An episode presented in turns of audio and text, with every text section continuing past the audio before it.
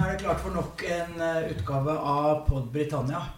Det er jo 31. januar i dag, og det betyr at i dag skal britene ut av EU.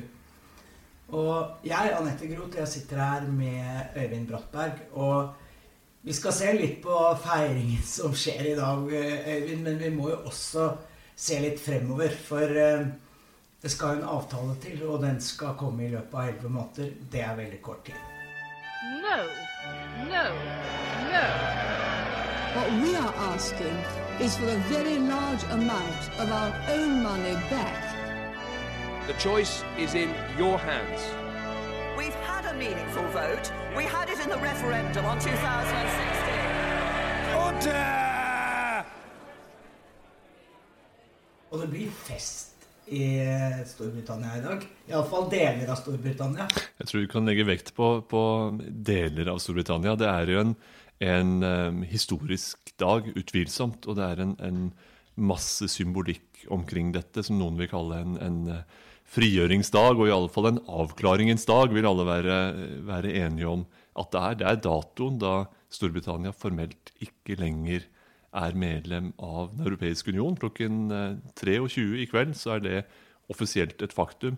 Og det er um, naturligvis en veldig stor begivenhet. Det skjer tre og et halvt års tid, og vel så det, etter folkeavstemningen man, eh, som i utgangspunktet skulle avgjøre spørsmålet, så har så mye skjedd siden den tid at noen har spurt seg underveis om dette virkelig ville tre i kraft. Nå er vi her, og det trer i kraft. Og Vi kommer til å se folk i gatene som eh, feirer, men statsminister Boris Johnson han prøvde seg jo også på å få, få dem til å ringe Big Ben eh, akkurat på dette tidspunktet klokken 23 britisk tid i kveld. Men det fikk han ikke til. Nei, det er jo et apropos til, til symbolikk, fordi Westminster-palasset, som huser parlamentet, er jo i gang med en storstilt renovering. Eh, tårnet med Big Ben er jo er innpakket, innhyllet og, og, ikke i god forfatning. Like fullt så skulle man altså eh, drive en slags kronerulling for å få eh, ordnet det slik at klokkene kunne slå når, eh, når eh, tidspunktet klokken 11 i kveld opprinner. Så satte de foten ned, de som eh, bestyrer oppussingen, og, og, kom til at dette, sånt unntak kunne man ikke gjøre. Dette ble bare, bare tull. Kanskje er det like bra, tenker nå jeg, for det ville ikke være en majestetisk, vakker, symboltung Big Band som slår. Det ville være et, et innpakket, eh, halvgjort oppussingsarbeid, og så gjør man det slik at klokken slår likevel. Det er ikke et ekko av Churchill man ville høre, det er et ekko av, av eh, et britisk demokrati som ikke er i sin beste forfatning. Så la oss styre unna det. Ja, og Så var det jo også en del innvendinger, da, fordi at dette ville jo være et politisk signal. Storbritannia er jo omtrent eh, delt på midten når det gjelder brexit. Sånn at det var også en, en innvending som flere kom med. Pluss at det ble sagt at dette er jo bare noe som noen i London kommer til å høre. Det er ikke noe for hele landet. Så, sånn sett så tror jeg du har helt rett. Det er like greit at det ikke ble noe av. Det er sensitivt som, som, som bare pokker. Det skal vi også huske på, at, at det som nå er på et vis eh, den, den, den, store dagen hvor man skal samles om det faktum at Storbritannia trer ut av EU, det er også resultat av en prosess som har vært dypt splittende, uh, uforsonlig, preget av en så uh, vanskelig konflikt at uh, de markeringene man gjør i kveld, burde jo også være bevisst på det. At man, man representerer da i prinsippet 52-53 av befolkningen, mens den andre halvparten har vært mer eller mindre halvstarrig på motsatt side av kløfta. Nå er eh, denne utmeldingsavtalen den har gått gjennom alle instanser i, eh, i britisk eh, politikk. sånn at det er ikke noe tvil om at de går ut nå. Det kan ikke sies å være noen tvil om, om det. Og det, det, merkelige er jo at hvis man følger nyhetsdekningen, ikke minst her hjemme, så, så var det jo et klimaks som fant sted 12.12. Med, med valget. Det var den reelle avklaringen, det var den reelle beslutningen. Og tiden derfra frem til, til, eh, til nå, denne dagen, det, den tiden har vært preget av litt eh, litt rapportering om eh, Boris Johnsons gjøren og laden, men egentlig ikke så mye snakk om, om, brexit, fordi nå er løpet lagt. I dag passerer man den symbolske datoen, men så følger det eh, nye forhandlingsrunder om den framtidige avtalen. og Det er det som kommer til å prege 2020, og som utgjør på et vis substansen i brexit, etter at eh, vi bare har passert dette symbolske hinderet. Ja, for det, Fra i dag til i morgen så kommer det ikke til å bli store forandringer. fordi vi er nå inne i en, eh, vi kommer da inn i en overgangsperiode hvor alt vil være som det har vært omtrent. Når briter står opp i morgen tidlig, så har, eh, så har ingenting omkring dem forandret seg. Ingen, det er ingen som må På et vis, det er ingen Um, ingen tilreisende EU-borger som møter andre vilkår i Storbritannia 1.2. enn en eh, hun gjorde 31.1. osv. I utgangspunktet så fryses medlemsvilkårene og forblir slik de er frem til eh, årets slutt. Storbritannia, slutt. Storbritannia, har ikke lenger noen eh, stemme i EUs institusjoner, men vilkårene for medlemskapet er som før, fram til man har har eh, fått denne fremtidige avtalen på plass, som skal regulere forholdet videre.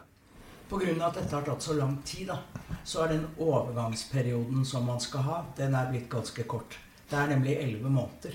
De skal altså ha en ny avtale, og dette skal, eh, dette skal manifesteres på en måte innen utgangen av 2020. Det er kort tid.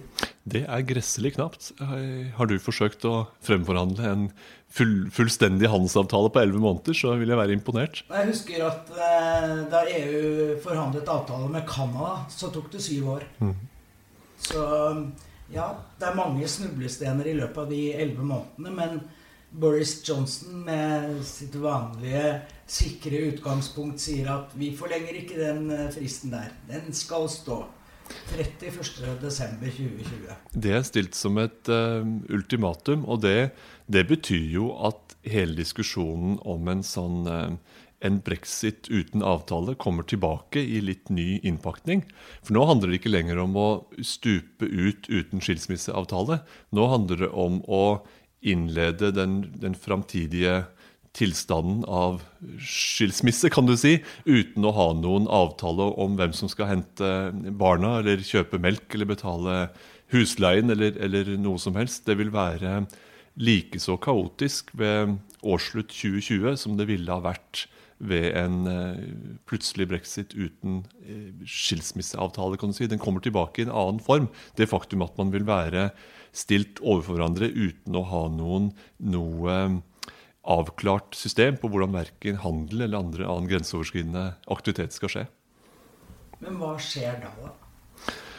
Det kommer det til å bli nye sånne katastrofescenarioer diskutert omkring. Jeg, jeg, tror ikke det vi vil havne der. Jeg tror at man vil gjøre en durabel jobb fram til sommeren med å se hva som kan eh, forhandles fram. Og så skal man da gjøre opp status på, på, forsommeren. Kommer dette til å kunne tas til mål eller ikke?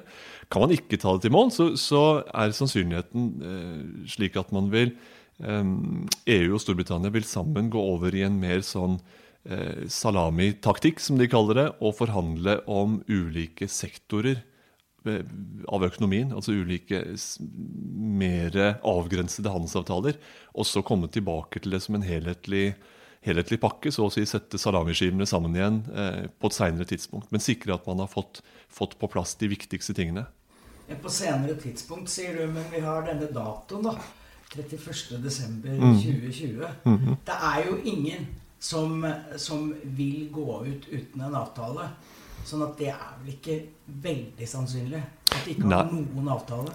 Jeg tror nok eh, også at Boris Johnson og, og um, hans krets de har sett nytten av, også ved forrige korsvei, å si at vi skal, vi skal ut uansett. Eh, og, og, det er en forhandlingstaktikk også.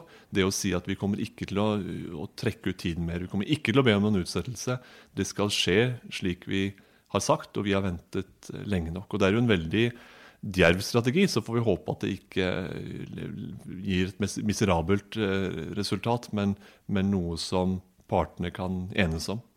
Han har jo lykkes med en djerv strategi til nå, da, spesielt med valget sist. Men EU kommer ikke til å bli noen lett forhandlingspartner, for de vil jo ikke la Storbritannia få en kjempefin avtale.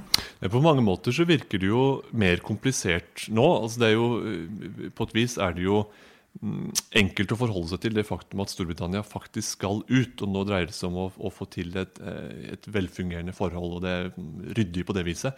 Men når det skal snakkes langsiktig handelsavtale, så er det utrolig mange forskjellige interesser i EU-systemet, ikke minst blant EUs medlemsland, som trekker i, i veldig forskjellige retninger. Eh, slik at det vil sannsynligvis være vanskeligere for EU også å da samle trådene og opptre som én en, eh, enhetlig aktør i møte med Storbritannia. Og så er det jo, som det gjerne er i den type forhandlinger, en masse hestehandler og, og kompromisser. Og det forutsetter jo at man, man, er ikke enig om noe før man er enig om alt. Um, og det, det, er jo en, en vanlig måte å, å, forhandle på, men det tar, tar, tid. Det er ofte uforutsigbart om å gå frem og tilbake opp og ned, og til syvende og sist godkjennes av alle. Og alt dette er det vanskelig å se for seg at man klarer å gjennomføre på elleve måneder. Og da faller man tilbake på en sånn uh, usikker uh, salami-strategi som, som er uryddig på sine måter, og som gjør det veldig vanskelig å å uh, drive hestehandel. For da har man liksom tatt én skive av gangen. Det blir eh, noen knappe elleve måneder, men uh, hva tror du er de største snublestenene her? Ai, det er så, det er så mange uh, snublesteiner. Eh, Boris Johnson skal være veldig glad, tror jeg, for at han har nå et såpass uh, trygt parlamentsflertall, sånn at han, han på, på, et vis kan si at han har ryggen fri. Han trenger ikke å, å selv være noe gissel for forskjellige fraksjoner i, i, uh, partiet. Han har litt mer litt, litt, tryggere sikkerhetsmargin, på en måte. Kanskje så må han, han forhandle bort noe av det som for mange har vært ordentlig symboltungt. F.eks. tilgang til uh, britiske farvann for EUs Eh, fiskefartøyer. Det er mange i, i, på den franske siden opptatt av at de vil fortsatt ønske å, å fiske i britiske farvann. Britiske nei-siden har liksom sagt at blant alt det man skal um, få tilbake av nasjonal suverenitet, så er også kontroll over vårt farvann er liksom en, en, et veldig viktig slagord. Det kan godt være at Boris Johnson må, må gå tilbake på det, og da kanskje først og fremst for å oppnå markedsadgang på andre felt, f.eks. For, for britisk finanssektor, som trenger en veldig god adgang til, til EU eh, e hvis man skal, man si, hvis man skal få, få, ut sitt potensial. Så den avveininga mellom, mellom, ulike sektorinteresser, der er det veldig lett å, å trå feil. Og så er det veldig lett at noen av lovnadene som tidligere har blitt gitt, ikke er så enkle når det kommer til stykket. En annen ting er jo dette med Irland og irskegrensen og hvordan Nord-Irland skal eh, være plassert i unionen. For de var jo blitt lovet av Boris Johnson at de skulle få innflytelse over egen situasjon, og det får de for så vidt. Men samtidig så har de en annen avtale når det gjelder eh, handel eh, med Irland enn resten av Storbritannia. Og de vil jo ikke ha den forskjellsbehandlingen.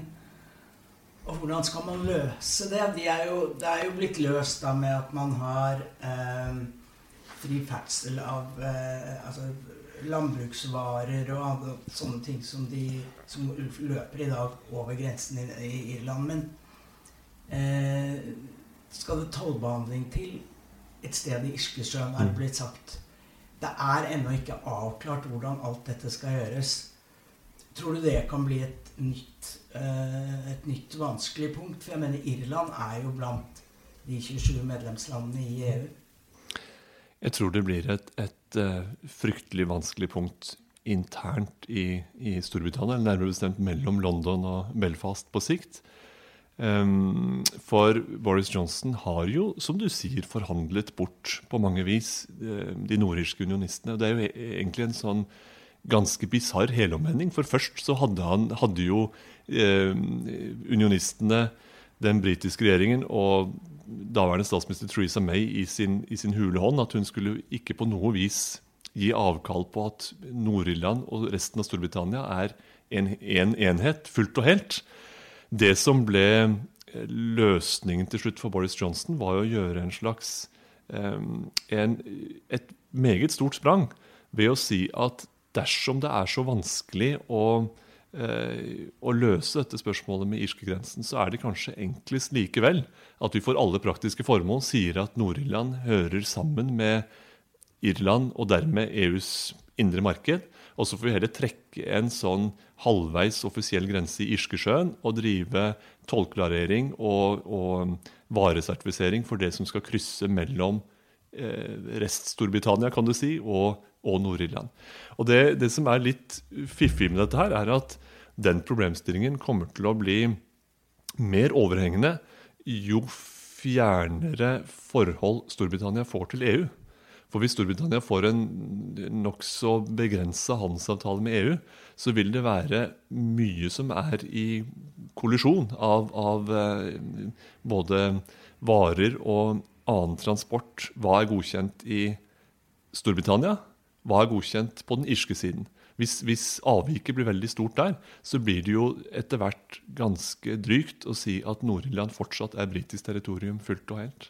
Ja, det er jo fremdeles mange ubesvarte spørsmål. og mens Boris Johnson og regjeringen nå, den britiske regjeringen nå skal forhandle med EU-landene, så er det klart at det blir mye bråk hjemme.